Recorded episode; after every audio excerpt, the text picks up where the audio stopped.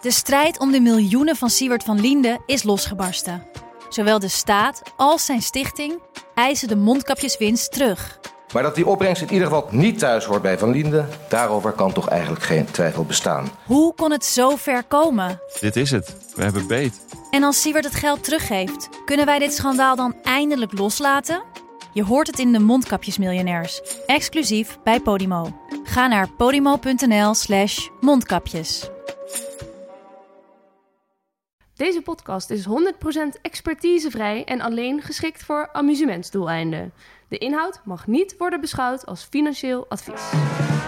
Dit is Jong Beleggen, de podcast. Ik ben Milou. En ik ben Pim. In deze aflevering hebben we het over cash. Ja, Ja, over-. Oh, ja, geld dus. Ja. Daar hebben we het eigenlijk altijd over, maar goed. Ja, eigenlijk wel, hè? Ja. Maar, maar jij hebt het punt dat cash ook een positie is. Ja, we gaan het hebben over, eh, over, natuurlijk over rente. Warren- wat zegt Warren Buffett daarover? En de wetenschap. Heel belangrijk. Je hebt ook transacties gedaan. Ja, en we gaan het hebben over KidLab. Over de beursgang, want dat was een succes. En een fantastische tip in onze nieuwe rubriek Pim's Parels. Dames en heren, we gaan beginnen.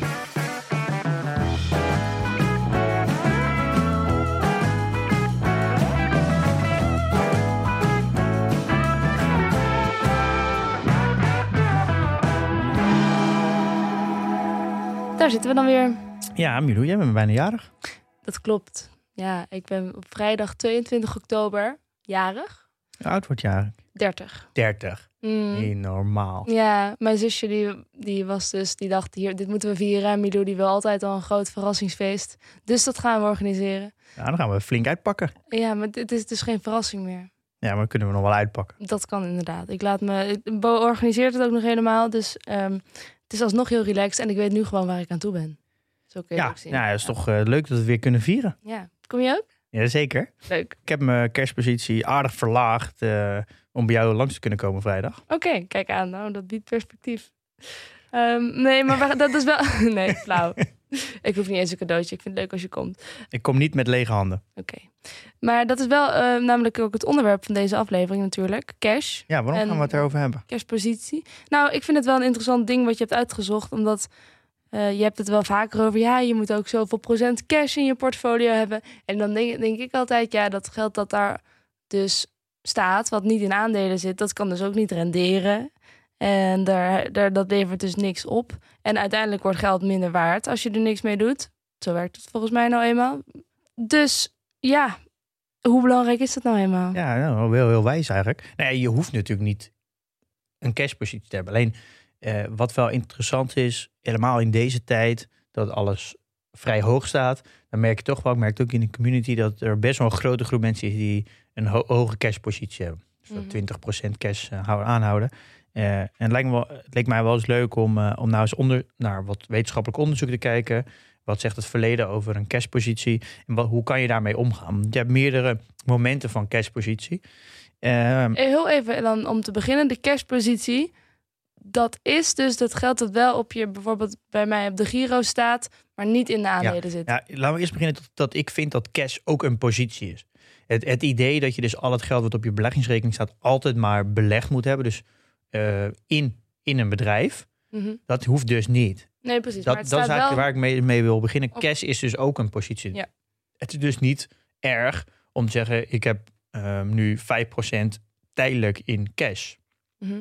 Omdat ik nu even geen tijd heb of eh, geen ander bedrijf kan vinden omdat alles heel hoog staat. Dat is helemaal geen, geen probleem. Dus je moet hier nooit die, die rush hebben, die haast, die druk voelen. Dat je altijd maar 100% belegd moet zijn. Het is helemaal niet erg om ook cash als positie te zien. Dat is wat, mij, wat, mij, eh, wat mijn punt eigenlijk is. Maar het voelt voor mij een beetje kunstmatig, dat hele cashpositie, omdat het gaat over dat het staat op je beleggingsrekening. Maar ik heb natuurlijk ook een spaarrekening waar ik nog een veel grotere cashpositie heb. Nou, laten we eerst eens beginnen met, eh, met de, de, ja, de rollen van cashgeld. Dan hebben we eigenlijk, ik denk, even een, een tweedeling moeten maken. Dus de eerste deling is, je hebt eh, een soort van buffer nodig. Dat is eigenlijk het stukje wat, waar jij nu over praat. Dat is het stukje op je bankrekening. Ja. En nou, daar hebben we natuurlijk al heel veel afleveringen over gesproken. We kunnen nog een keer herhalen. Maar dat is de buffer die je nodig hebt om onverwachte rekeningen te betalen. Eh, maar ook om eh, loonverlaging of baanverlies op te vangen.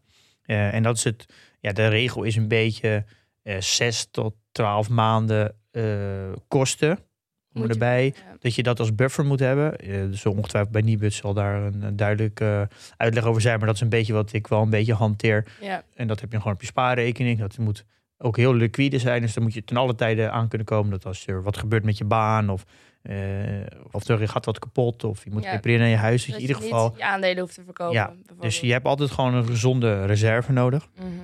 Daar, over die cash gaat het niet. Dat is één rol van cash, maar het gaat, Ja. we hebben het over de andere rol. Eh, en het gaat eigenlijk over die andere rol van de cash die je lang kan missen. Dus je, eerst als het gaat om geld heb je natuurlijk eigenlijk een scheiding van dit is mijn buffer. eh, en alles boven die buffer heb ik over. eh, maar heb ik geen direct plan voor.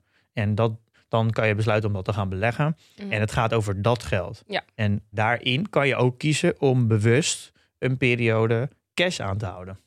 Eh, en dat kan natuurlijk om meerdere redenen. Omdat je tijdelijk geen, eh, geen goed bedrijf kan vinden. Omdat je alles overwaardeerd vindt. Of omdat je geen tijd hebt om, om, een, eh, om op dat moment een nieuw bedrijf te zoeken. Omdat je druk bent. Of je gaat je winnaars een beetje afromen. Omdat, omdat je hoogtevrees krijgt. En je wil graag wat eh, reserve houden voor eventueel een crash. ja.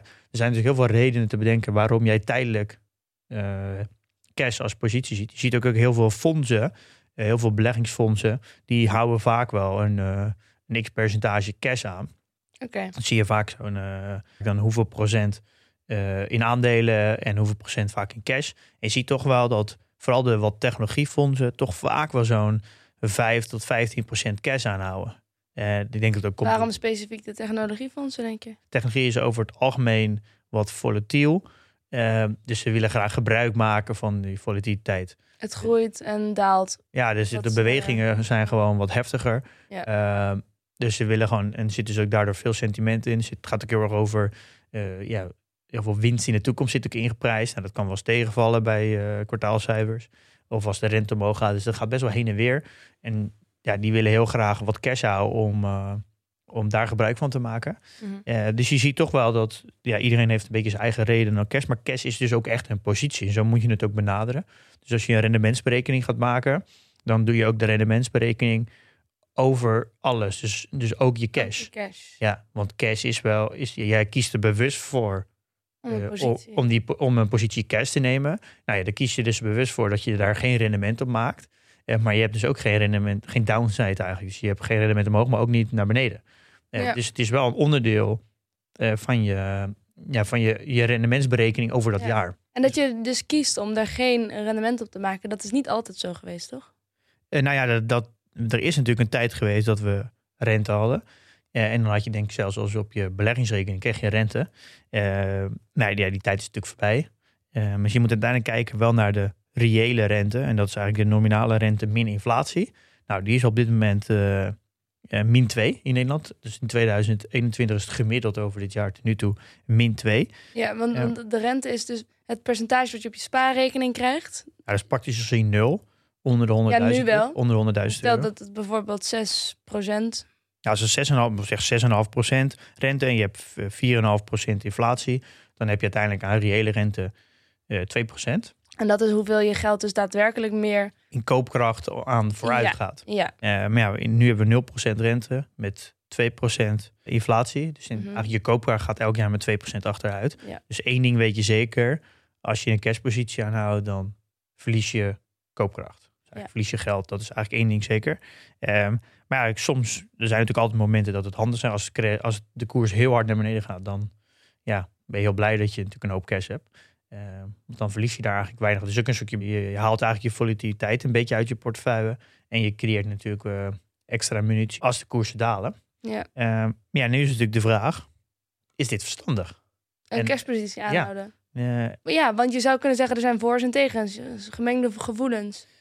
Ja, Weet je, als, als mijn, mijn kat kwam van de week met een, een levende duif in zijn bek binnen. Dan ben ik aan de ene kant trots. Van, wow, dat vind ik echt knap dat je zo'n grote vogel vangt. Aan de andere kant denk ik, vind ik echt heel erg. Arme duif.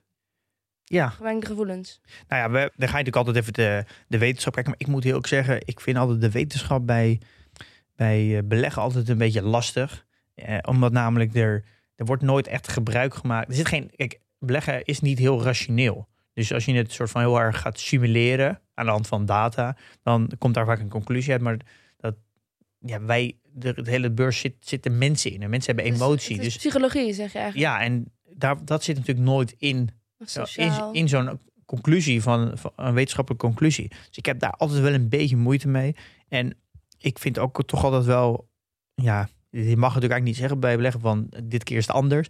Elke tijd heeft toch wel zijn eigen karakteristieken. Ja, je kan nooit zomaar zeggen dat als er bijvoorbeeld een, een onderzoek wordt gedaan van eh, 1990 tot 2010, 20 jaar. Dat wil niet zeggen dat die 20 jaar periode nou er nu weer aankomen. ja, dat is, het, we leven weer in een andere tijd. Ja. Eh, dus je- daar vind ik altijd toch wel moeilijk om. Ik, probeer altijd toch wel een beetje de nuances te zien in wetenschappelijk onderzoek. En dat niet zo maar zo, eh, zo vasthouden. Want ja, eh, je probeert ongeveer een regel te vinden die eh, in de meeste gevallen op zal gaan. En dan weet je zeker dat het niet in elk geval eh, zo zal zijn, zoals die regel voorschrijft. Maar dat het, nou, laten we zeggen, 80% van de tijd wel op die manier. ja, want maar ene kan je ook weer zeggen, juist als het altijd maar de wetenschap zich herhaalt, dat betekent dat, dat dan iedereen weet wat de uitkomst zou zijn. En dat is dus niet zo, want anders kan, zou iedereen het kunnen voorspellen. Dus in principe is de wetenschap dat gebaseerd op, op data in het verleden, dus altijd onjuist. Ja. Zo kan je het ook bekijken. Een benadering van de werk. Eh, maar wat zegt de wetenschap er nu over? En dit, is- daar heb ik een, er zijn heel veel onderzoeken naar gedaan naar eh, cash. En het is natuurlijk allemaal gedaan in een tijd dat er hoge rente was. Dus we leven nu in een hele rare tijd met geen rente, met een heel ruim monetair beleid. Dus, maar ja, dat maakt nu even niet uit voor het Hmm. onderzoek. Maar ze hebben dus een, eh, Monte Carlo simulation gedaan. Dat is een, ja, een bepaalde eh, simulatietechniek eigenlijk die, eh, waar je een soort van kansanalyse kan maken. En hebben ze gebaseerd op eh 60% S&P aandelen en 40% obligaties. En hebben ze een periode gepakt van eh 33 jaar tussen 1973 en 2005. En hebben ze allemaal simulaties gedaan om te kijken wat voor effect heeft cashpositie op je rendement. Op eigenlijk hoeveel rendement heb je meer of minder. Mhm. Ehm, en hebben ze dat gedaan met een cashpositie van 5 tot en met 35 procent. En daarin is eigenlijk uitgekomen dat er, eh, als je een 5 procent cashpositie zou hebben in die periode. en je zou dus ook in de dip dus gebruik van maken. dan kom je uit op een 0,23 minder jaarlijks rendement. Dus dat is vrij weinig. Maar als je gaat naar eh, ongeveer 20, 20 procent, 25 procent cashpositie. dan kom je uit op eh, 1 procent ja, minder jaarlijks rendement. Mhm. Dus dat is natuurlijk best flink. Ja, Helemaal over een periode van 30 jaar. Want Ja. compounding 30 jaar 1% is natuurlijk best wel veel. Eh, en dit onderzoek zegt eigenlijk dat het dus niet verstandig is om cash aan te houden. Dat je eigenlijk gewoon altijd 100% belegd moet zijn. En want als we bijvoorbeeld even het effect van 1% pakken. Dat is ook een beetje de conclusie van eh, de- het onderzoek. Is dat eigenlijk de, het grootste risico zit hem eigenlijk in dat je heel veel rendement misloopt. Maar dat je dat eigenlijk niet door hebt daar zit het risico in van je, van je cashpositie. En dat geeft eigenlijk aan dat dus als je een, een eh, berekening maakt met startkapitaal van 20.000 euro. Je legt 500 euro per maand in. Je doet het over een periode van 30 jaar. En je pakt even het verschil tussen 8% en 7% rendement. Dat Mhm. is die 1% die je dan verliest. Dan heb je uiteindelijk een verschil van 187.000 euro in 30 jaar. En dat is dus een misgelopen rendement van 24,4 procent. Eh, Ja. En dat is eigenlijk de conclusie ook van dit verhaal. Het is heel lastig om te timen. Je stelt jezelf bloot aan een heel groot risico. En dat is dat eigenlijk dat je een, een minder rendement hebt van 24,4 procent. En dat is eigenlijk een soort van een daling. Nou ja, Eh, ja, nee, maar niet helemaal natuurlijk. Want het is rendement wat je niet hebt eh, gehad ook ooit. Dus het is iets missen wat je nooit hebt gehad. Ja, maar je, je pakt natuurlijk altijd tegenover eh, in dit geval de benchmark. En dat is 100% belegd zijn. Als, als ik nu voor kies om geen kinderen te krijgen, dan kan ik niet over 30 jaar denken: Oh, ik ben mijn kind verloren. Eh, ja, maar dat is dus, dus, dus dat is dus gewoon een soort van ja-nee. Maar dit is natuurlijk niet ja-nee, dit is een percentage cash. Dus het is een, daar zit de keuze in hoe groot is Ja? dat percentage. Oké. Dus ik vind het eh, geen goed voorbeeld. Nee? Oké. Maar ja, een van de, het, wetenschappelijk gezien loont het dus niet om cash aan te houden. En nou, Ja. dit zit ook wel een beetje in lijn van dat lump sum versus dollar cost averaging. Dus dat is het DCA. Dus gespreid de markt ingaan. Nou, de Vanguard heeft daar een onderzoek naar gedaan. En daar is ook gezegd, het is iets van 80% van de tijd beter om in één keer de markt in te gaan. Eh, en dat vind ik ook weer zo'n onderzoek van, ja, dat klopt. Maar zit, houdt, houdt geen rekening met emotie. Want eh, je zal maar net bij die 20% horen. Dat jij volledig de markt in gaat en de boel crasht. En, Oh, en dan Want dat is. Ja. Dat je alles erin gaat. in één keer ingaat. En ja, daarna crasht heb je geen minuutje meer. Maar de kans Ja. dat je dan eh, een heel lange tijd tegen een rode cijfers aankijkt in je portefeuille, is super demotiverend. En wat de kans dat je dan bijvoorbeeld de markt uitgaat of, of in paniek raakt, is natuurlijk zoveel groter. Waardoor je misschien wel de kans verkleint dat je überhaupt heel lang gaat beleggen. En ik denk dat het met beleggen is heel duidelijk dat het gaat om een lange horizon. Dus je moet ook, vind ik, in zo'n wetenschappelijk onderzoek meenemen wat het effect is van, eh, van die 20% die dan eh, daardoor emotioneel geraakt wordt. En dat Ja. wordt dus nooit onderzocht. Want ik heb daar best wel vaak reacties op gegeven. Mensen zeggen, ja, je, je adviseert mensen om DCA te doen, maar wetenschappelijk gezien is het veel beter om dit te doen. Ja, Wetenschappelijk gezien is het gewoon beter om te zorgen dat je blijft beleggen. ja dat, je moet een lange termijn. Dus ik vind dat je ook alles moet doen, vooral in de beginfase waar je weinig eh, kaas gegeten hebt van beleggen, waar je heel veel emotie nog hebt, dat het heel belangrijk is dat je je het zo opzet dat je eigenlijk sowieso nooit stopt. Maar zelfs als je er dus met je lump sum ingaat, al je geld wat je wil beleggen. ehm, en je gaat eerst, je stapt op een super slecht moment in, maar je hebt wel een lange horizon. Kom je er dan alsnog beter uit? Eh, nou, onderzoeken nee, dat? want als, nee, ja, als je, nee, Als je blijft beleggen. nee, want als je natuurlijk, je was beter uit als je natuurlijk dan op dat moment ook nog een gedeelte kon inleggen natuurlijk.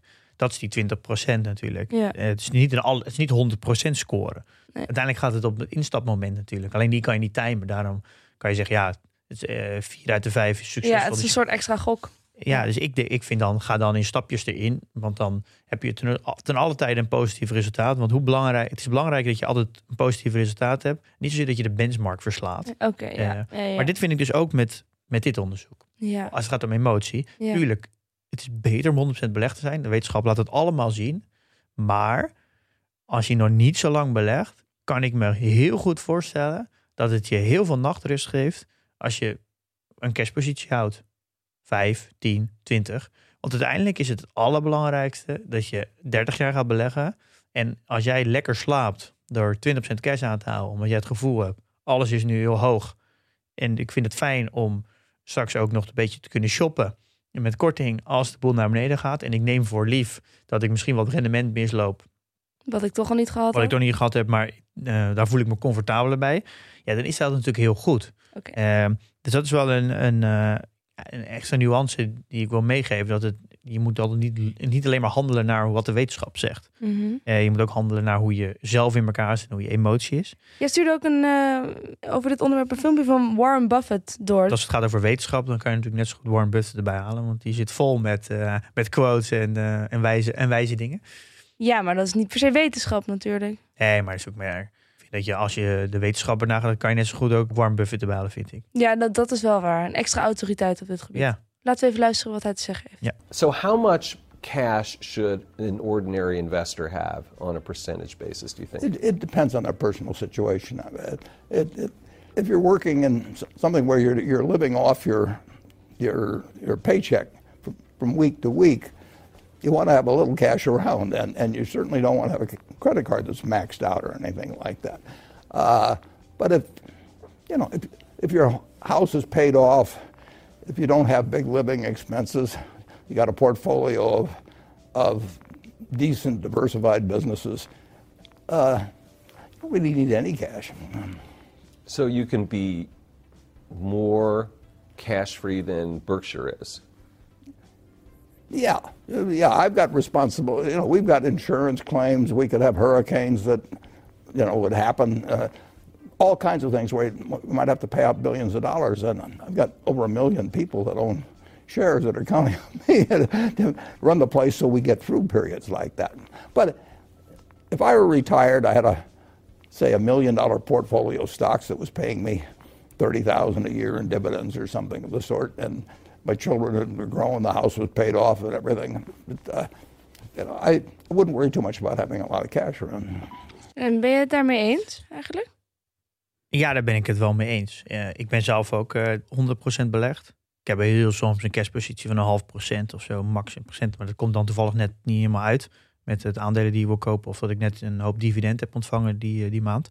Maar ja, ik ben het wel mee eens. Als je, als je geld eh, kan echt belegd met geld dat je kan missen. En je hebt een goede buffer, wat daar ook zegt. Dus je hebt geen extra schulden, creditcards of iets. Dat is natuurlijk in Amerika heel normaal. Je huis is afbetaald.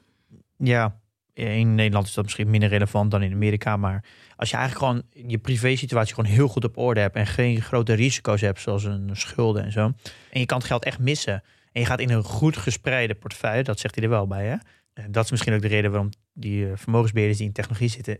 Die zijn niet echt goed gespreid. Die zitten natuurlijk alleen maar technologie. Dat is wel goed dat hij. Een goed gespreide portefeuille, dan is het niet nodig. En ja, daar ben ik op zich wel mee eens. En, maar hoe werkt dat dan precies? Waarom is het dan niet nodig? Nou ja, omdat op lange termijn gaat het toch wel weer omhoog. Je hoeft niet per se te wachten op een crash. Dat is natuurlijk het eigenlijk. Om je cash in te kunnen zetten. Ja, want het kan zomaar zijn dat die cash gewoon tien jaar niet komt. En dan zit je tien jaar te wachten op cash dat elk jaar minder waard ja, wordt. en geen rendementen ja. Ja, ja, en, ja. Uh, ja, je kan altijd in een crash. Elke crash is natuurlijk anders. Dus je, je hoeft niet per se met cash te zitten. Maar je kan natuurlijk ook altijd snel anticiperen op een crash. En kijken, een beetje schuiven met holdings. Dus altijd, alles gaat tegelijk naar beneden. Om erbij even snel. En dan komt iedereen erachter wat voor soort crisis het is. Dan gaan degenen die daar heel veel last van hebben nog even verder. En dan bounce degene die er helemaal geen last van hebben alweer iets omhoog. En op dat moment is het is al een beetje duidelijk waar de schade gaat zitten. En ja, vanaf dat moment zou je natuurlijk altijd kunnen schuiven. Uh, ja, oké. Okay. Kan je natuurlijk al, kun je alsnog profiteren van een Ja, het gaat gewoon, de, de, markt is heel volatiel. Dus je kan heel erg... Ja, je kan ook gewoon uh, ja, bedrijven sluiten of, uh, of een beetje schuiven qua allocatie. Dus je kan altijd wel profiteren van een, uh, van een crash. Helemaal als je in losse aandelen zit. Ja, maar ik ben het wel mee eens. Ik ben ook 100% belegd. Ik beleg echt met geld wat ik echt kan missen. Dus het, ja, ik, ben, ik heb mijn voorkeur gaat ook gewoon 100% belegd zijn. Want jij vindt het ook zonde om een cashpositie aan te houden waarvan je zeker weet dat het minder waard wordt. Ja, nou, er komt natuurlijk ook Omdat nog je genoeg vertrouwen hebt. Er komt ook nog iets anders bij. Uh, ik, ik weet gewoon dat ik voor de komende jaren gewoon een hele steady uh, inkomen heb. Uh, wat ik gewoon maandelijks kan beleggen. Dat komt omdat ik nog een, een bedrijf verkocht en zit nog een lening die maandelijks terugbetaald wordt. Dus ik, heb, ik weet gewoon dat ik voor een hele lange periode maandelijks geld heb om te beleggen. En dat, dat bedrag is ongeveer, nou, ik leg ongeveer 5000 euro per maand. Dat is ongeveer 2% van, van mijn totale waarde nu. Dus ja, een crash duurt ook vaak lang, maanden, soms een jaar of jaren. Dus ik, ik weet gewoon dat ik in die periode elke maand, ook al gaat de crash, krijg ik weer nieuwe cash om ja. uh, te beleggen. Dus vooral als je nog vermogen aan het opbouwen bent en je hebt elke maand ga je inleggen, dan is het ook minder nodig om cash te hebben, omdat je ja, je, hebt, je creëert al elke maand cash om in te leggen. Um, dat is natuurlijk anders als je een beetje richting het einde gaat en je gaat al afbouwen. Dan is de toevoer van geld natuurlijk relatief laag, procentueel gezien. Dus dan ben je veel meer aan het vermogensbehoud aan doen. Dan kan ik me voorstellen dat je er iets anders mee omgaat met een cashpositie. Maar als je echt nog in je beginjaren zit je gaat vermogen opbouwen, je gaat elke maand inleggen, dan zou ik eigenlijk niet echt cash aanhouden. Helemaal niet omdat je. Maar Warren zegt dat het aan het einde dus ook net zo goed niet hoeft. Nee, dat klopt. Ik zou dat toch denken, ja, dat vind ik lastig te zeggen omdat ik nog niet zo ver ben. Maar ik Ja. denk dat ik toch mijn mijn buffer die ik zou hebben, die ik wat weer zei, dit ongeveer 6 tot 12 maanden aan kosten, die zou ik dan wel gaan verhogen, denk ik, naar misschien wel twee of drie jaar. Hm. Om er echt zeker van te zijn dat je, dat je niet eh, aandelen moet verkopen om echt van te leven. Ja. Ehm, Ehm, ja. Maar, maar ik, ehm, ja, ik zit zelf wel eens met de gedachte. Soms heb ik, het- heb ik het wat drukker dan de andere keer. Dus ik zit ook soms met momenten dat ik een holding wil sluiten. Of dat ik eh, ja, maandelijks dus moet inleggen, maar dus niet precies weet eh, waar ik het in moet leggen. Omdat ik gewoon even geen tijd heb om onderzoek naar te doen. Ehm, dus daar zit ik wel mee van ja. Ik merk dat ik gewoon liefst beleg wil zijn, maar dan ga ik dus wel een, over- misschien een overhaaste beslissing nemen. ja. Dus ik moet voor mezelf ook wel gaan aanleren dat cash ook gewoon een positie is. En dat het gewoon prima is om daar gewoon ook tijdelijk wat in te doen. Om in de tussentijd dat ik eh, ja, een nieuwe keuze kan maken Maar waar ik in je- stoppen. Als je het echt als een positie ziet, dan is het dus een aandeel, een noodlijdend aandeel waar je even tijdelijk je, Ja, je Maar ik, zit het, ik dacht, nou, ik, ik heb laatst wel getwijfeld van ja, ik moet die druk mezelf niet opleggen. Dus ik kan ook gewoon tijdelijk in een goed gespreide ETF gaan. Dus dat is iets wat ik misschien ook ga overwegen. Dat ik Hmm. bijvoorbeeld een, eh, de eh, MSCI World eh, ETF bijvoorbeeld in mijn portefeuille neem. En dat ik, als ik dus die maand even niet iets vind waar ik het in zou stoppen, dat ik het dan daarin stop. Ja. En dat dat eigenlijk een beetje mijn, je noemt het een soort van substituut voor cash wordt. Ja, Slim. ik wel beleg blijf. Eh, En die kan ik ook eh, één gratis transactie per maand doen. Eh, blijf ik wel belegd, gelijk ook goed gespreid. Want ik wil dus niet in de S&P gaan zitten, want mijn portfolio is voor een groot gedeelte al de S&P. ja, Ik ga natuurlijk wel mee naar beneden, maar dat hoort erbij. ja. Vind ik dus niet erg. Maar dan ben ik, zit ik wel in de markt. En dat is wat Ja. ik, ik wil graag altijd in de markt zitten. Dus dat, ehm, Oh ja. Dat is voor mij nog een, een, een, Een soort tussenoplossing. tussenoplossing die, waar ik me het meest comfortabel bij voel. Ehm, en je kan eventueel natuurlijk ook in een obligatie-ETF gaan zitten. Het is niet echt mijn, mijn cup of tea. Ik vind, weet daar niet heel veel vanaf van obligaties. Dus ik geef dan de voorkeur voor een goed gespreide ETF om het tijdelijk aan te houden. Ehm, dus dat zijn ook eh, de mogelijkheden die je kan doen. Ja, oké. En is het bij ETF's, ehm, dan is het eigenlijk voor mij bijna niet relevant. Ja, dit is dus echt voor, wel voor losse, eh, losse aandelen. En je, ja, voor jou, je hebt natuurlijk nooit de uitdaging, eh, waar ga ik het in stoppen? Want ja, jij, stopt het, jij gaat gewoon dollar cost average in, i- in een ETF Ja. in. Eh, al kan jij nog steeds ook het gevoel hebben van, nou het staat toch wel heel erg hoog nu. Eh, ik krijg een beetje hoogtevrees. Ik ga ehm, even wat cash aanhouden. Dat gevoel kan Ja. jou ook opspelen. Ja, Ehm, dan is natuurlijk het, gelijk de volgende vraag. Oké, stel je voor jij dat doet. Jij doet dat. Je hebt 20% cash. ja, En jij geeft al, jij hebt als reden, ik ga bij een volgende correctie, ga ik dat inleggen. Ja. Dan is natuurlijk gelijk de vraag, nou, hoe ga je dat dan doen? inderdaad. Want, Want- 20% is best wel veel. Ja, maar ga je dat dan, wat is dan voor jou een correctie? Is dat 10%, 20%, 30%? Hoe, wanneer ga je wanneer, wanneer is het laag genoeg? Ja, wanneer is laag genoeg? Want, Zou je daar van tevoren voor jezelf afspraken over moeten maken? nou, dat Bedoel denk, je dat? ja, dat denk ik wel. Want ik weet, ik, heb natuurlijk de corona-crash een beetje meegemaakt. Eh, niet heel bewust toe, maar ik had het wel meegemaakt. Maar dan, je weet gewoon hoe het gaat. En dan gaat het naar beneden. En dan gaat 10% naar beneden. En dan is, denk je dat alles in paniek is. Maar dan veert er toch altijd weer iets omhoog. Ja. Altijd gaat dat weer een paar procent omhoog. En dan denk je, nou, het, is, het gaat, ik, moet nu- voorbij. ik moet voorbij. Want als ik te laat ben, dan gaat het weer, eh, weer Ja. nog verder omhoog. En vaak gaat het dan weer naar beneden, maar niet altijd natuurlijk. Dus je weet Ja. het eigenlijk niet. je weet het gewoon Dus niet. er komt een heel emotioneel spel bij. Ja. Dus wat je eigenlijk wil, Ik je- zou er eigenlijk gewoon dan denk ik dollar cost averaging dat weer gaan herbeleggen. ja, naar beneden, ja. Maar dan moet je dus wel afspraken voor jezelf maken. Ja. Je kan bijvoorbeeld een paar regels opschrijven die zelfs bij een correctie van 10% beleg ik 25% van mijn cash. Maar dat is net zo willekeurig als... Nee, dit is niet willekeurig. Dit is gewoon een regel die je kan die je gaat toepassen op het moment dat het gebeurt. Het hele idee van een cashpositie is dat je die gaat gebruiken bij een correctie. Ja. Dus als je een cashpositie aanhoudt van 20%, maar je gaat geen regels maken wanneer je dan die cash gaat gebruiken. Ja, eh, bij, als je dat niet gebruikt bij een correctie, dan kan je net zo goed de markt inblaan. Ja. Het hele idee daar is natuurlijk dat je minuutje hebt voor dalende koersen. Ja. Dan moet je ook voor jezelf een afspraak maken wanneer je het dan gaat inzetten. precies. Ja, Ehm, oké. Ja, want anders heeft het natuurlijk geen zin. Eh, want jij, het gaat altijd gebeuren als het 10% naar beneden gaat, ga jij denken, oh, hij kan ook naar 20. Ja. Eh, dus je zou kan je bijvoorbeeld zeggen, bij een correctie van 10% ga ik 25% van mijn cash inleggen. Nou, zeg dat je, als je 1000 euro zou hebben, dan zou je dus 250 euro inleggen. Mhm. Kan je zeggen, bij nog, bij nog een keer 10%, dus een totaal 20% correctie, ga ik dan 45% van mijn cash inleggen. Nou, je had dus nog 750 over. Dus dat houdt in dat je 337 inlegt. Ja. En daarna zeg je bij een 30% correctie leg ik alles in wat ik nog over heb. En dat is dus dan 412 euro. ja, En zo heb je eigenlijk een plan voor jezelf gemaakt hoe jij je cash gaat inzetten bij een correctie. Eh, en ja, of dit een goede keuze is of niet, dat moet de toekomst wijzen. Als, je, als er binnen nu in een paar jaar een goede correctie komt, Ja. dan ben je spekkoper. Komt dat helemaal niet en dan heb je wat rendement misgelopen. Ehm, maar ja, als het je een goede nachtrust heeft gegeven, dan is alles waard. Het Dan mislopen het van waard. rendement is, is, is helemaal niet erg als je er lekker van slaapt. Ja. Dus dit is wel een, eh, ja, voel je ook niet, niet opgehaast of ge- als je cash neemt. Cash is gewoon een positie, is helemaal niks mis mee. Eh, maar ga, doe dat wel dan wel met, eh, ja, de regels erachter, en met een ja. idee erachter. oké. De PDT-update. Hebben we een update? Je had vorige week natuurlijk best wel een uitgebreide update. Nee, deze week geen, eh, geen echt heel concrete update.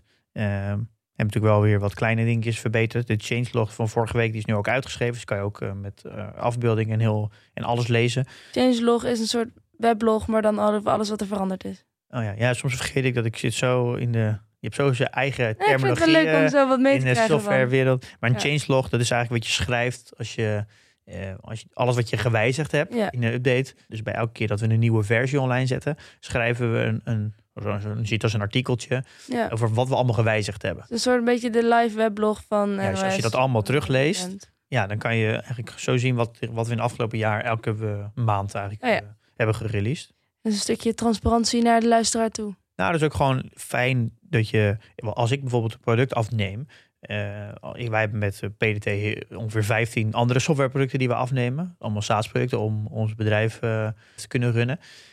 Ik kijk altijd als ik een software afneem naar de changelog. Is voor mij Ja. dus heel belangrijk dat het, een, dat het actief beheerd wordt, dat het onderhouden wordt. Dan kan ik ook zien dat er foutjes opgelost zijn. Dat geeft mij dus heel veel vertrouwen om dat product af te nemen. Want als ik zie dat er in de change nog heel vaak foutjes zijn opgelost, dan weet ik gewoon, oké, als ik een foutje herken, dan wordt die ook opgelost. En zit er nog een, een grote change aan te komen in de toekomst? Zeker, daar hebben we vorige week ook over gehad. Die, ja, die portfolio performance. Komt eraan. Oké. Ehm, en we willen natuurlijk alle nieuwe vrienden weer bedanken. Het blijft eh, leuk om te zien dat mensen nog Ja, steeds heel leuk. Heel mee leuk. willen doen. Ja. Dus, welkom. We gaan naar het nieuws. Ehm, ja, er, we hebben brokernieuws. Brokernieuws. Trade Republic. Mhm. Duitse broker. Dat noemen ze ook wel de neo-broker. Ik denk dat die het meest vergelijkbaar is met Bux, denk ik. Omdat het ook een appje is en zo. Mhm. Ja, die komt naar, eh, naar Nederland. Die is, eh, is een Duits, een Duits, eh, Duits bedrijf. Heeft van mij vorige week aangekondigd om ook naar de Zuid-Europese landen te gaan. En heeft een watchlist geopend in Nederland. En is, is, ehm, is Bugs dan ook een neo-broker? Is dat het genre? Ja, dat wordt ook een neo-broker genoemd. Ja. Ehm, Trade Republic. Maar het is, een, het heeft geen AFM-vergunning, valt onder de Duitse BaFin. En Nee. natuurlijk, net als bij eh FedEx en de Giro, dus nu handelen ze eigenlijk op een soort van eigen handelsplatform, de TradeGate. En dat- zij handelen dus Trade Republic op LS Exchange. Die verkopen natuurlijk eh, orders eh, door. En ze handelen ook in crypto. Dus ik heb het idee, ze handelen in derivaten, aandelen, ETF's en crypto's. En daar zit natuurlijk een hele hoge marge op crypto's. Maar het komt in ieder geval naar, naar Nederland. Dus we krijgen weer een, eh, weer een broker erbij. Ik weet niet of we er nou heel blij mee moeten zijn. Maar Is het ook weer zo'n broker met van die, ja, wat je noemt dan perverse prikkels om me- meer te gaan handelen? ja, exact. Precies. Dat. Ja. Dat, Ja. dat- dat vinden we niet leuk. Nee. Maar dat mag toch niet van de AFM, of wel? Nee, maar ja, we, we zitten natuurlijk met een Europese Unie. Eh, het bedrijf is gevestigd in Duitsland. Dus dat valt onder de Duitse AFM, de BaFin. Eh, dus daar heb je als AFM niks over te zeggen. Maar als een slachthuis bijvoorbeeld in Duitsland eh, niet op de juiste manier slacht met niet de juiste voedselvoorschriften, weet ik veel wat, dat doen ze allemaal niet netjes, dan mogen ze in Nederland toch niet dat vlees verkopen? Oeh, dat is eh, niet echt mijn eh, genre, dus ik heb geen Hmm. idee. Misschien moeten we een keer iemand van de AFM uitnodigen. Ja, het zou leuk zijn als ik een keer komen. Ehm, is er nog ander nieuws? Nou, we hebben het even kort gehad over GitLab. Eh, die ging een aantal, Ja, ja, ja. aantal weken geleden, voor mijn week, eh, aflevering 68 uit mijn hoofd. Wat was dat ook weer voor bedrijf? Eh, nou, van een Nederlander die in Amerika woont. eh Sietse. Sietse Seibrandij. Ja, hij wordt in Amerika Sit genoemd. Want Sietse is denk ik wat lastig uit te spreken. Nee, voor ons is het ook al lastig. Hij is naar de, naar de, nou, de KidLab is naar de beurs gegaan. Het is een, het is een bedrijf, het is eigenlijk een softwarebedrijf, waar je als eh, software developers, dat vorige keer ook uitgelegd, samen kan werken om software te ontwikkelen. Dus dat is een beetje hetzelfde als je met 100 man in één boek schrijft. Dan werkt dat niet als je met z'n allen in dat boek schrijft. Dus je wil allemaal ook versies van dat boek maken en dat wil je later makkelijk kunnen mergen. Mhm. Nou, dat doet GitLab. Er zijn eigenlijk twee grote concurrenten die ook beursgenoteerd zijn. En dat is dus GitHub. Dat is de allereerste geweest. Die heeft ook het grootste marktendeel. Is overgenomen door Microsoft. En dat was toen de tijd een hele slimme overname. Waardoor ze Azure heel erg konden pushen. eh, onder alle developers. En je hebt Bitbucket van Atlassian. Nou, Atlassian staat ook op mijn watchlist. Maar ik moet... Ja, ik kon niet zo heel goed vinden wat nou... Er zijn nog wel meerdere concurrenten. Die zijn wat minder groot. Ik kon niet zo goed vinden wat nou hun marktaandeel exact. Ik weet niet of je kan spreken van een, een oligogamie. Zeg je dat? Dat is een, een je hebt dan monopolie, duopolie, Oligopolie. oligopolie. Ik weet niet of je echt daarvan kan spreken, maar ik moet wel zeggen, het is wel een mooi bedrijf hoor. Ik moet er nog, ik, ga, ik doe sowieso niet mee aan IPO's, maar ik hou het wel in de gaten. Het is best wel, het is best een mooi bedrijf. Er zit best wel een mooie filosofie in. Het werkt volledig remote. Mhm. Heeft 60 nationaliteiten. Ehm, en je ziet toch wel dat het. Ja, volgens mij zijn er niet heel veel concurrenten. Er zijn niet heel veel partijen die dit product aanbieden.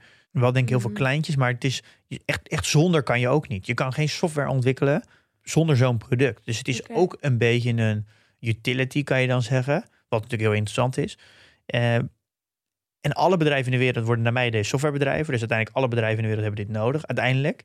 En er komen steeds meer software developers bij. Dus eh, de markt groeit ook gigantisch. Dus Er is wel eentje om in de gaten te dit is houden. wel, eh, ja, het is wel een bedrijf wat, eh, ja, wat ik wel heel interessant vind. Daar ga ik zeker, zeker blijven volgen. En wat dus ook heel opvallend is. Ik was dus even bij de aandeelhouders aan het kijken.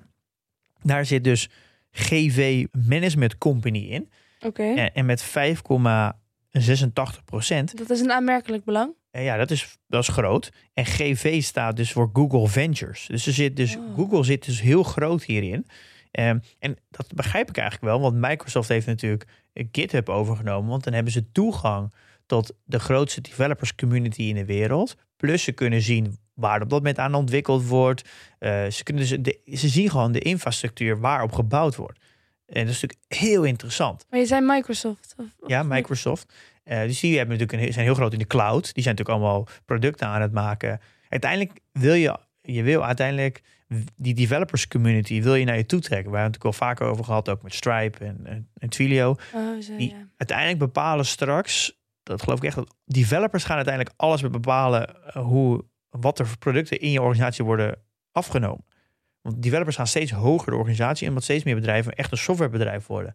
Dus de, dat is de groep vraag me die soms af of jij niet een beetje grootheidswaan hebt, omdat je zelf een developer bent. Nou ja, je ziet het ook op de beurs. Dat de, de hele beurs wordt steeds meer technologie. Ja. En je ziet ook waar zitten de winsten bij alle cloudbedrijven en zo. En Ja. alle softwarebedrijven die. Dus het, het, is, het is niet heel gek dat Google hier heel veel interesse in heeft. Nee. Want die zien dan precies, die, die kunnen in de data precies zien welke producten er allemaal genomen, welke integraties worden gedaan. Zij kunnen daar natuurlijk hun product veel beter op afstem- afstemmen. En Google is natuurlijk heel hard bezig om hun clouddiensten, de concurrent van AWS van Amazon en Azure van Microsoft, om daar enigszins positie in te krijgen. Ze pompen daar volgens mij 18 miljard per jaar in. Wil nu niet helemaal lukken. Ja, het is niet heel gek eh, dat Google hier een eh, groot aandeelhouder is. En ik sluit ook echt niet uit. eh, ja, nu ja, misschien worden ze ondertussen een beetje duur. Dus daar zijn ze misschien een beetje laat mee. Ze hebben ongetwijfeld geprobeerd om misschien eerder te kopen. Dat Google dit ooit een keer gaat overnemen. Maar ja, misschien hebben ze voldoende aan een groot aandeelhouderschap. Dat ze al genoeg informatie krijgen. Maar het is niet heel gek.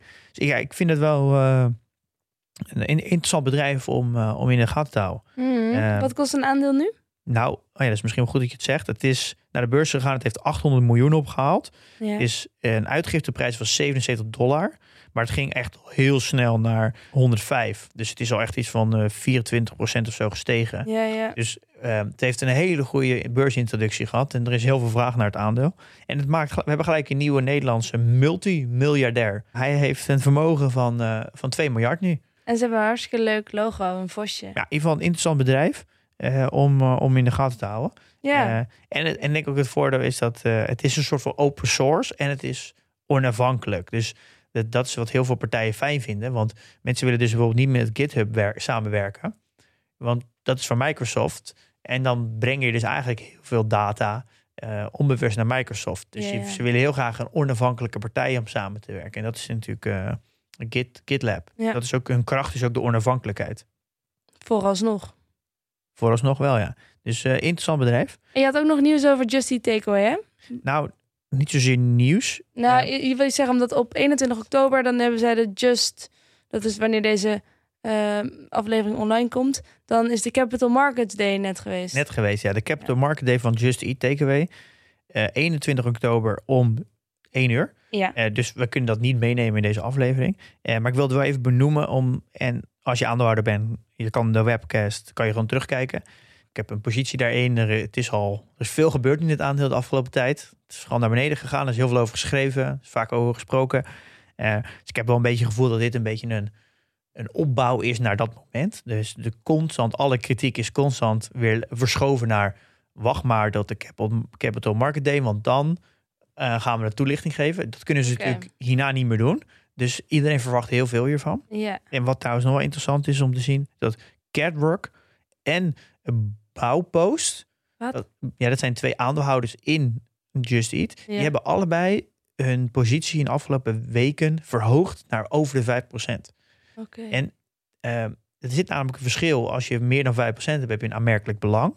En een aanmerkelijk belang betekent ook dat je volgens mij meer inzicht hebt en meer inspraak. Ik Ja. weet niet exact, maar volgens gehad. met Alex Otto Ja. natuurlijk, de, vijf, de Mr. 5% wordt die genoemd. Ja. En, maar volgens mij hebben ze dan ook een plekje in de board. En als je dat doorlegt, denk je, er zijn twee aandeelhouders die heel publiekelijk hebben aangegeven dat dingen anders moeten. Mhm. Die gaan hun positie verhogen naar 5%. Ik denk ik om in de board te komen, dus dat gaat, daar gaat sowieso wat gebeuren. Er speelt daar sowieso wat. Die gaan niet hun positie zomaar naar iets over 5% verhogen. Hmm, Dus daar ja, die gaan uh, waarschijnlijk uh, een paar keer goed op, met de vuist op tafel slaan. En die denk ik dat die ook wel meedenken in, in wat er gezegd gaat worden. Ja. Maar we gaan het zien. Ehm, ja, dus dat Ah. is een... eh, Ik heb ook twee aandelen Just Eat Takeaway, hè? Ja, dus jij, eh, voor jou is het ook weer interessant. relevant. Eén uur. Die webcast eh, live meekijken. Dat kan. Oh nee, ik heb een interview met de Leeuwarder Krant over beleggen morgen. Kan dus niet. Met wie? De Leeuwarder Courant. De Leeuwarder Courant. Ja, ik heb Friese roots, Pim. Oh, oké. oké. Dus binnenkort in, een, in de Leeuwarder Krant. Oh, wat leuk. Voor wie iemand Ik ben thuis geïnterviewd voor een Belgische krant. Nee, ja, Belgisch blad. Oh, leuk. Eh trends.be Mhm. van Knaken of zo. Knak. Knak? Knaken.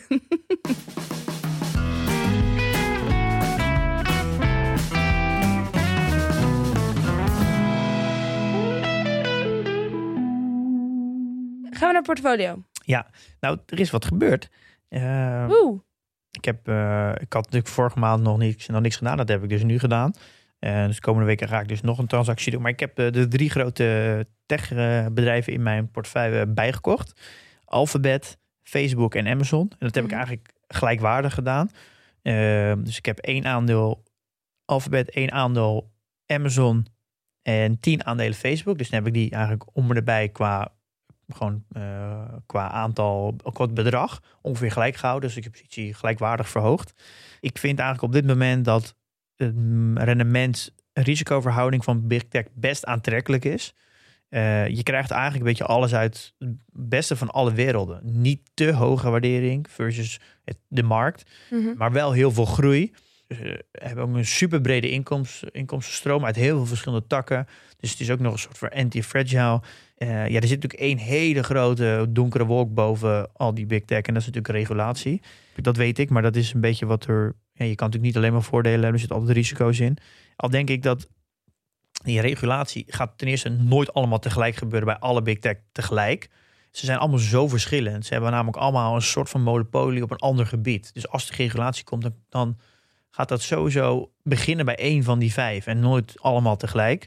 Eh, en daarnaast, ik kan ook niet zo goed inschatten wat het effect nou gaat zijn van regulatie. Gaat het nou echt zo'n negatief effect hebben? Nou ja, als heeft- iedereen er last van heeft, dan zal het op zich... ja, maar je kan nooit, een, je kan nooit één bedrijf reguleren. Het is altijd een, een sector. Of Ja. een, want je kan niet zeggen, ja, we maken specifieke regels voor dat bedrijf. Dus dan hebben eigenlijk alle concurrenten er automatisch ook last van. Dus dan kan je je ook weer afvragen, eh, ja, hoe erg gaat dat dan weer zijn? Ja, het is gewoon een hoop onzekerheid. En eh, ja, ik moet zeggen dat ik dat gewoon er, erbij neem. Ik, ik kan me gewoon niet zo goed inschatten wat daar het risico van is. Ehm, Maar dan ga je dus eigenlijk handelen op onwetendheid. ja, maar in beleggen is altijd. Je belegt voor toekomstige winsten en Ja, toekomst en is maar je onzeker. realiseert je dat er dus veel onzeker is. Ja, ik, ik, ja. Dat je het niet goed kan inschatten, maar toch... ja, het is, een, het is zeker een, een- iets wat ik, bij, wat ik in de gaten hou. En Ja. Op dit moment zie ik geen aanleiding om daar, om daar anders op te handelen. Oké. Ehm, en ik weet, Amazon is, en eh, vooral Google zijn niet echt omstreden op dit moment. Amazon is misschien een klein, die gaat het misschien wel zwaar krijgen met personeel. Ze hadden het laatste minimumloon verhoogd van, 18 naar, van 15 naar 18 dollar. En een tekenbonus van, eh, van eh 3000 euro. Ze zijn op zoek naar 150.000 nieuwe mensen. Dus ik denk dat die het de komende tijd wel een klein beetje zwaar krijgen. Omdat die, Mhm. de marges gaan wel drukken omdat ze heel veel personeel eh, moeten aannemen. Beetje waar Coolblue ook last van heeft natuurlijk. Ik denk dat Alphabet eh, niet, ja, die, die lijkt wel een beetje overal tussendoor te zwemmen op dit moment. Die eh, echt vol wind mee. Nou ja, degene die win, wind tegen heeft is Facebook op dit moment. Ja, het was natuurlijk met die whistleblower. Er is een Ja, negatief, in het nieuws. ja, hoop Ja. negativiteit. Er is, eh, er is ook 15% afgegaan of zo. Ja, Ehm, maar ja, met die crash. ja, ik, Facebook, Facebook is echt een bedrijf wat, wat al afgelopen vijf jaar constant tegenwind krijgt. Komt elke, weer, elk jaar wel weer wat boven. En dan gaat de koers weer 10, 15, 20% naar beneden. Maar elke keer veert dat weer op, want het volgt uiteindelijk gewoon de winsten. En er gaat dus heel veel eh, sentiment in. Uiteindelijk merk je elke keer dat er wat gebeurt, heeft geen effect op, Nee, op het omzet van Facebook. Dus Facebook is voor jou nu gewoon een beetje in de uitverkoop geweest. Ja, ik, ik zie ook gewoon heel veel extra mogelijkheden nog in Facebook aan zich. Daar hebben we het ook al eerder ook wel eens over gehad. Nou, ze zijn nu ook begonnen met Novi, een eh, soort van semi-crypto munt. Waar je dus heel makkelijk eh, Facebook gebruikers onderling geld kunnen, eh, Mm. over kunnen zetten. Dus als je, maar ook dus gewoon euro's en dollars. In dit geval alleen dollars.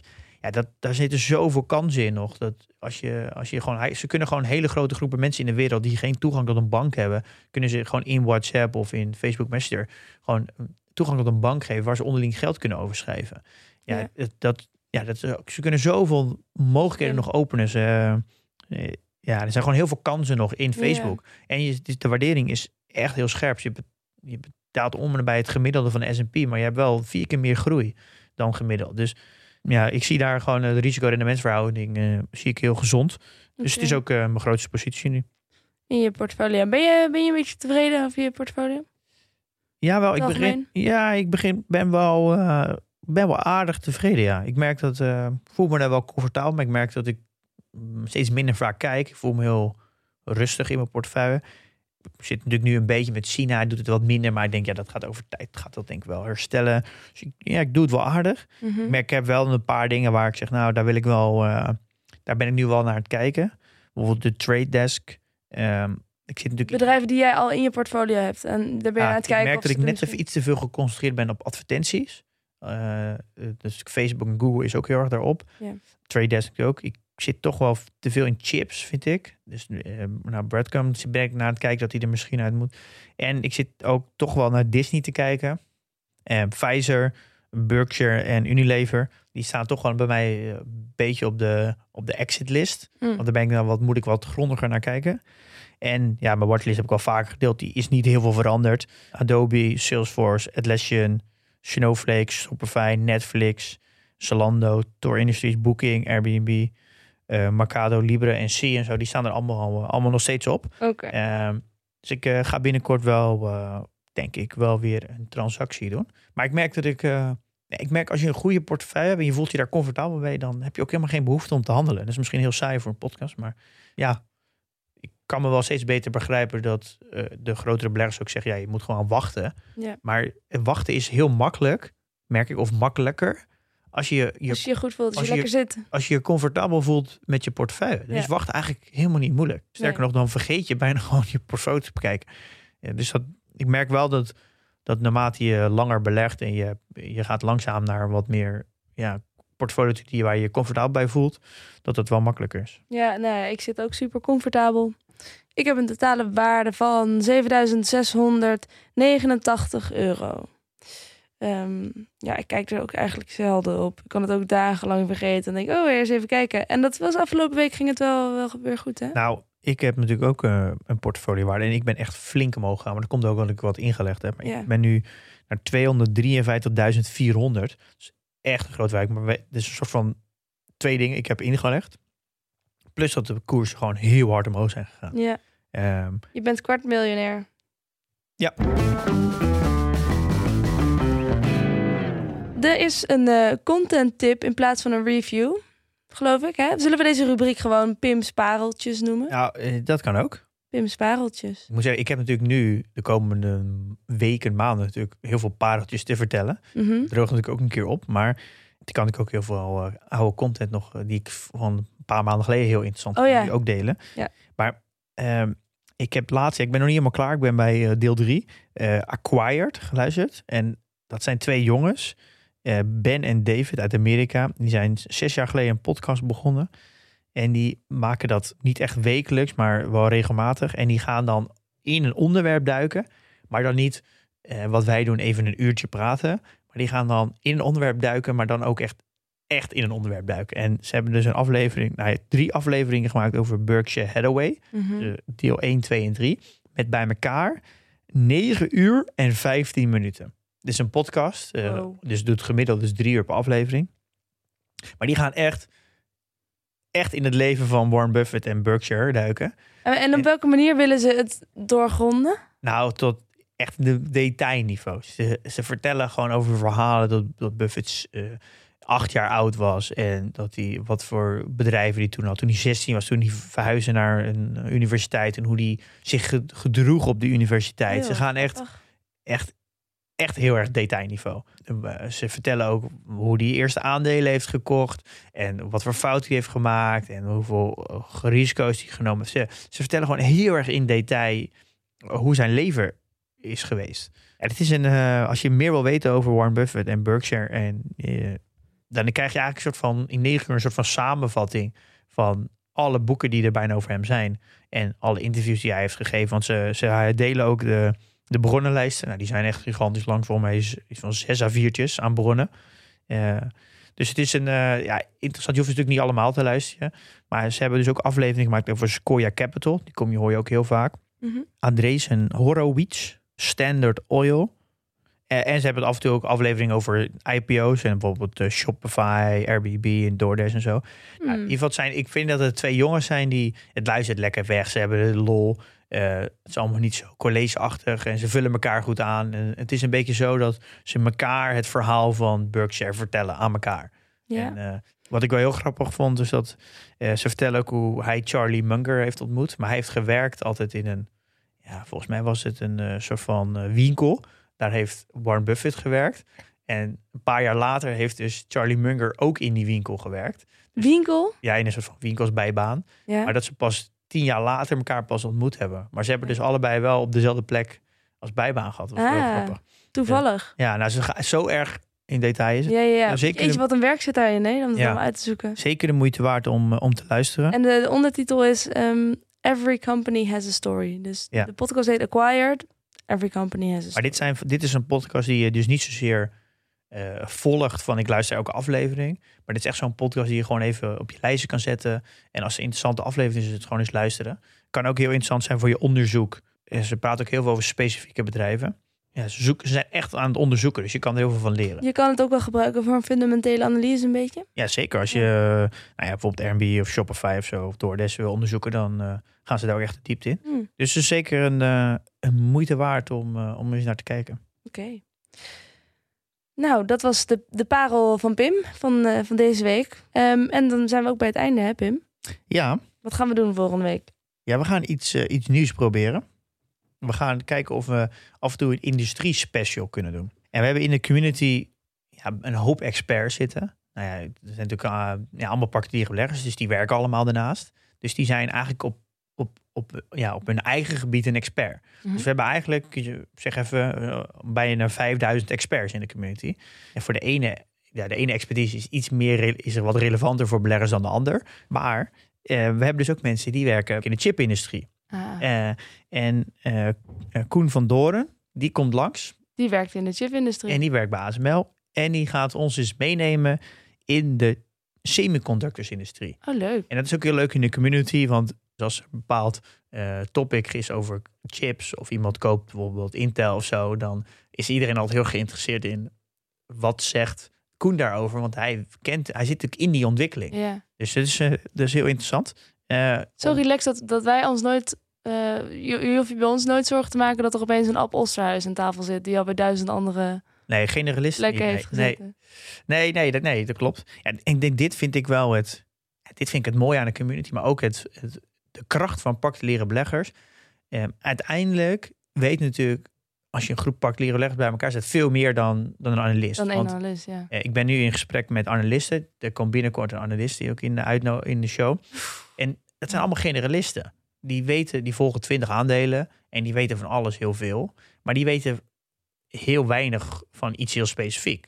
Dus je kan beter als, als je als particuliere groep soort van gaat herenigen en je gaat zeggen ik wil een expert in de zorg, een expert in de chipsector, een expert in de software, een software developer. Nou, als je dat allemaal bij elkaar zet, dan heb je natuurlijk een, een, een groep. Eh, ja, heb je kennis, ja, expertise. heb je kennis bij elkaar. Ja. Daar kan natuurlijk een analist die kan, uh, die kan helemaal niet tegenop. En als we allemaal ook nog eens als expert een, een beetje een, een, ons niveau omhoog krikken als het gaat om beleggen, ja, dan kan je natuurlijk als groep eh, echt heel veel van elkaar leren. Goed. Nou, volgende week dus een industrie special. Semiconductors met Koen van Doren. Um, ja, jongen, oh, hoor je mijn buik?